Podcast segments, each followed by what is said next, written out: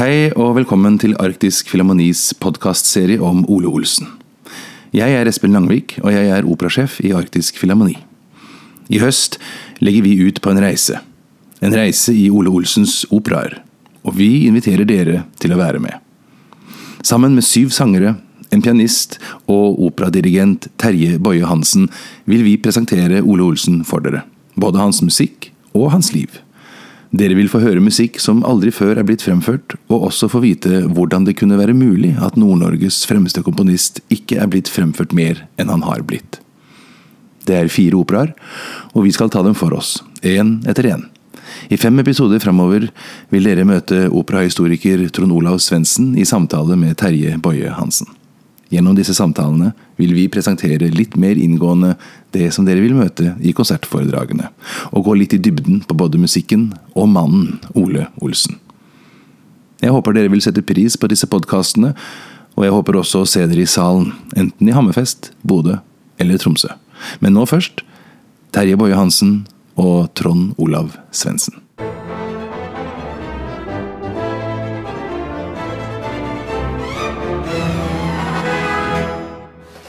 Trond Olav, da har vi én opera igjen, og den heter 'Klippeørene'. Det er Ole Olsens siste opera. Klippeøyene på godt moderne norsk. Ja, det, Men jeg syns klippeørene er ganske vakkert. Jeg, da. Ja. Etter å ha holdt på med disse operaene nå, så har jeg begynt å tale slik. Det er en opera som, som han begynte på i 1904. Og ble ferdig sånn rundt omkring 1920. Kanskje noe før. Han arbeider fortsatt på den i 1910, og der forteller han i en Aftenposten-melding at i forbindelse med hans 60-årsdag at han holder på med Klippeørene. Som blir mitt musikalske testamente, sier han. Og hvor ligger så disse klippeøer, spør Aftenposten. Men Ole Olsen er stum og ubevegelig diplomatisk, og ørenes beliggenhet er og bliver et mysterium. Men eh, man mener at det kanskje kan være utenfor kysten av, av Skottland. Altså Rock All, Hebridene rundt omkring der.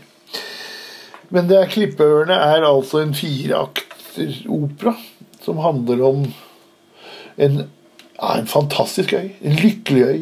En, en øy uten våpen, uten alkohol, uten kjøtt og flesk. Altså rene vegetarøya. De lever her i hundrevis av år lykkelig. Og vi er omtrent 3000 år tilbake i tiden. Men så en dag så kommer det inntrengere. Det skal Noen nevner at det er egyptiske ravsøkere som kommer. Iallfall så kommer folk fra andre verdensdeler med andre skikker, seder.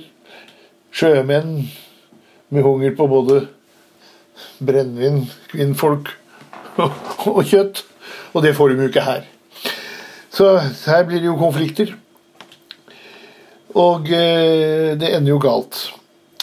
I første akt så er det jo, er det jo da kongen som, som forteller en drøm han har hatt.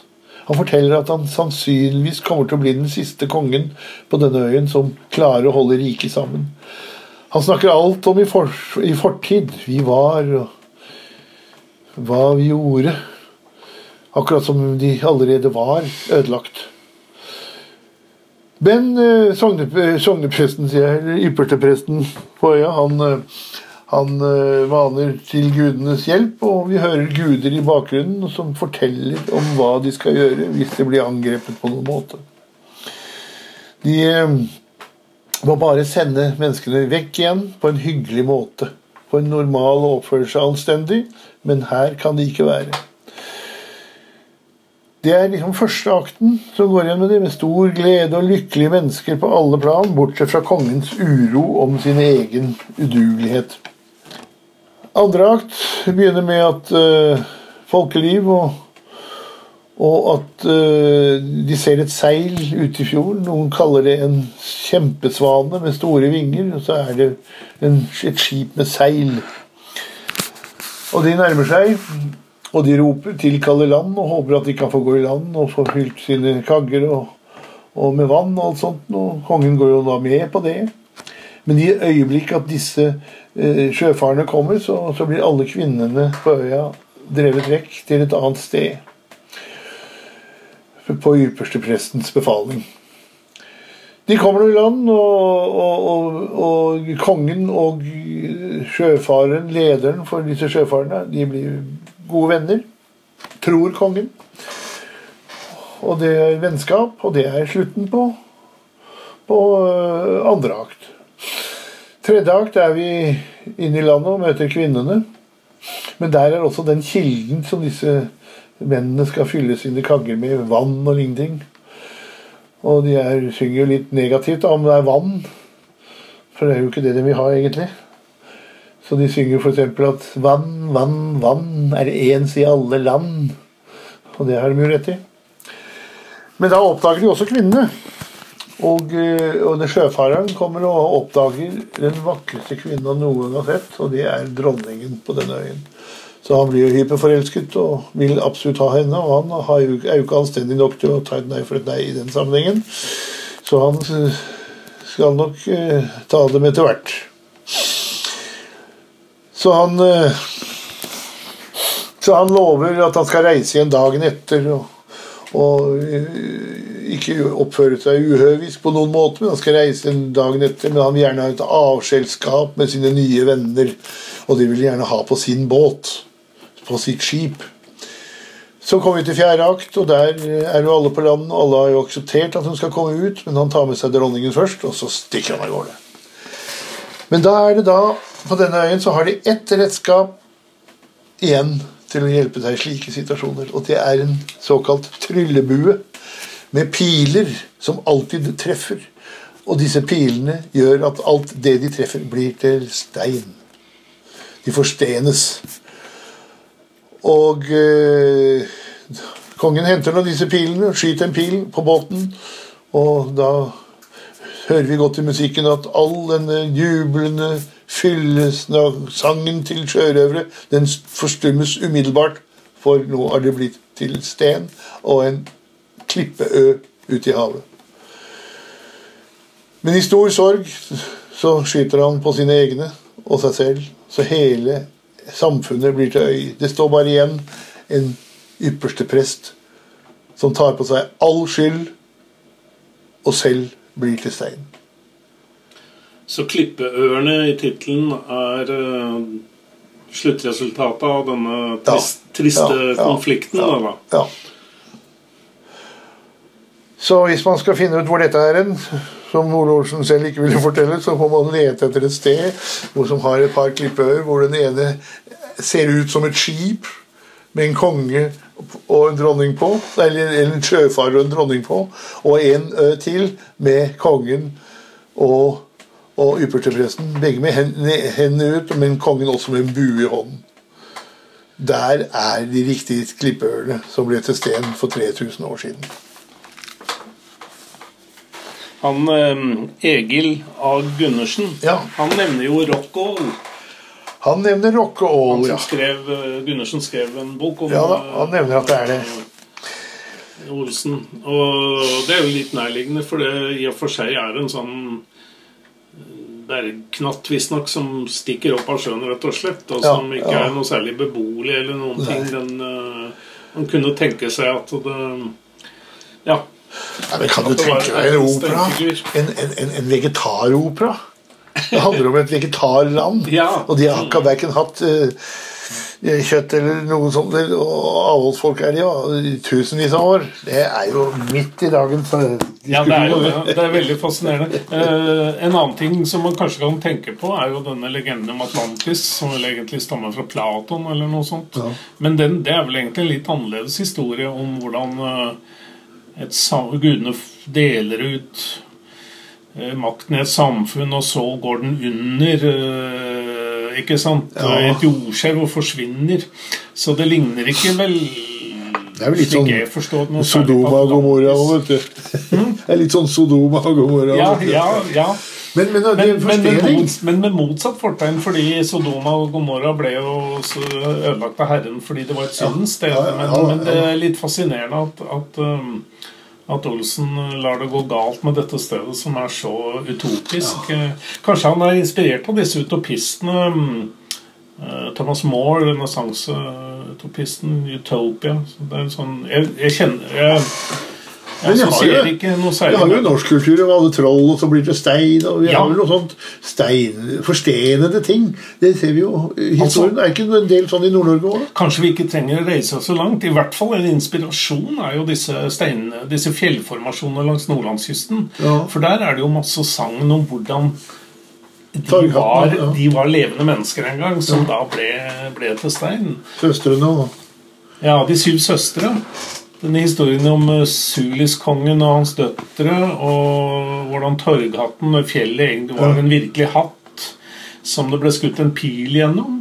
Der er, jo, der er vi jo inne på eh, i hvert fall ett motiv som uh, ligner veldig på det Olsen har brukt. Og uh, det er jo sånn at um, at uh, disse nordlandssangene ble jo nettopp samlet inn tror På denne tida. på Olsens tid, ja. Jeg husker i hvert fall uh, Du har jo han uh, Olaus Nikolaisen, som var arkeolog og, og sjef for Alsak-samlingen i Tromsø. Han utga jo en bok om, om eh, som he, Den heter vel Skal vi se, jeg har gjort et notat her. 'Sagn og eventyr fra Nordland'. Ja, ja. Og det er eh, 1879. Og er 1879, ja, ja, midt i Olsens uh, var like før han ble 30 år, det. Ja. da, er han, Ja. da er han hjemme igjen fra, fra Tyskland. Uh, han skriver jo denne operaen mye senere, selvfølgelig, men, men det er veldig nærliggende motiv hvordan disse, disse eh, andre- fjellformasjonene, disse klippeøerne, da egentlig har vært mennesker da, og har vært et samfunn. Ja. Og her beviser han jo det. Ja. Så, musikken her er også veldig fascinerende, for den er, den er uh, veldig bred på mange måter. For, for uh, han, han inndrar inn en orientalsk preg her og der. Spesielt når det er snakk om disse sjøfarerne. ja.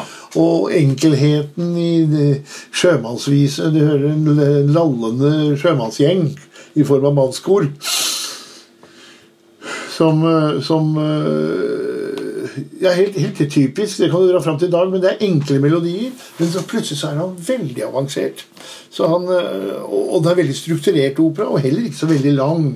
Det er vel Både Stallo og denne her er vel og, Laila òg. Den lengste er jo er hans første Ja. norsk stik. Den er jo bortimot tre timer, hvis du kan ta med alt. Så øh, effektiv musikk. Så, så, men det, det, jeg er veldig fascinert av den. Jeg har aldri bladd i den før nå den senere tid. I forbindelse med denne oppdraget vi har her nå for Arctic Symfoniorkester. Så, så jeg må si at jeg er blitt veldig imponert over, av, av klippeørenes struktur. For den er teatralsk flott bygd opp, og, og, og musikken er gjennomkomponert, og det er ikke noe sånn stopp som du kunne oppleve f.eks. i, i Marsk Stig, som fortjener redigering av overganger mellom de forskjellige eh, motiver og partier. Så, så jeg er imponert, og igjen så er er jeg tilbake til det jeg nevnte i forrige gang, at denne må jeg si at jeg ønsker å kunne få hørt i full orkesterdrakt, Ja. og framført av profesjonelle mennesker. Eller veldig gode amatører som våger å få ting på prent, eller få ting på riller, få ting på lyd. Det er interessant dette med um,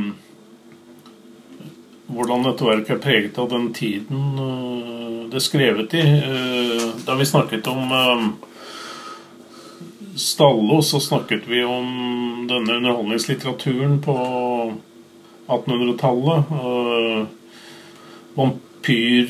Vampyrmytene og, og mumien selv. Ja, ja, ja. Eh, vampyrmyten som for øvrig ble til en opera også. Oh, ja. ja. Før Olsens tid, nemlig altså, Der Vampyr av Heinrich Marschner. Det var en oh, tysk um, Tysk operakomponist som lagde en, denne vampyroperaen. Og den var jo veldig populær og til stede på 1800-tallet. Og her er vi på vei inn med klippeørene eh, i det 20. århundre med, med krig og katastrofe og elendighet, første, første verdenskrig, og også dette fremmedfryktelementet som etter hvert kommer. Ja, ja, ja. Som øh, I mangel av forelegg her, så har man, kan man jo snakke om at det er liksom et moment, dette med at disse, disse fremmede kommer til denne utopien og forstyrrer den og, og, Ja, ja. og, Ja, det det og ødelegger den. Ja.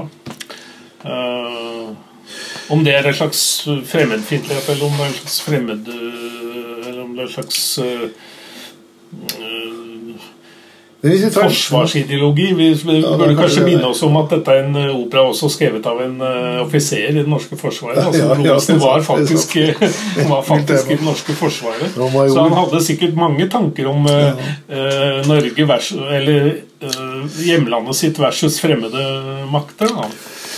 Eh, Norge hadde riktignok ikke vært i krig på ganske lenge på det tidspunkt, og unngikk krigen under første verdenskrig, men eh, det var jo mye snakk om den gangen skal de skandinaviske landene klare å holde seg nøytrale, eller, eller klarer de det ikke? Så, altså kan vi jo si at, det- at, at Klippørene ble jo ferdig omtrent mens første verdenskrig sluttet. ja, Ja. nettopp. Og han har også vendt tilbake til litt folkelig Veldig. språk. veldig. Også, da, Ja da. ja da. Så det er veldig spennende musikk, som jeg må si jeg håper og tror at jeg før, før jeg pakker helt sammen, få oppleve denne musikk i, i orkesterdrakt. Vi kan jo sitere eh, som avslutning da, på dette, disse podkastene her at Ingeborg Kindem, som skrev sin store norske operahistorie, eh, som kom ut eh, de første årene av sitte verdenskrig, hun skriver i sin avslutter av med, i omtale av Ole Olsen med at hun har grunn til å håpe at scenedyktige verk skjuler seg i Ole Olsens arbeider. Ikke bare Laila, men eventyroperetten eh, Svein Uredd, som har hatt en enestående medgang ned gjennom tidene, har vist at han har sans for og evner i retning av sceniske virkemidler. Og jeg tror at eh, med litt hjelp og iherdighet, iver, alvorlig arbeid, så er både Marsk Stig og Klippeørene, og ikke minst Allo, viktig at vi får lagd gode opptak av, gode innspillinger av, slik at vi virkelig kan bedømme hva Ole Olsens operaer står for. Takk.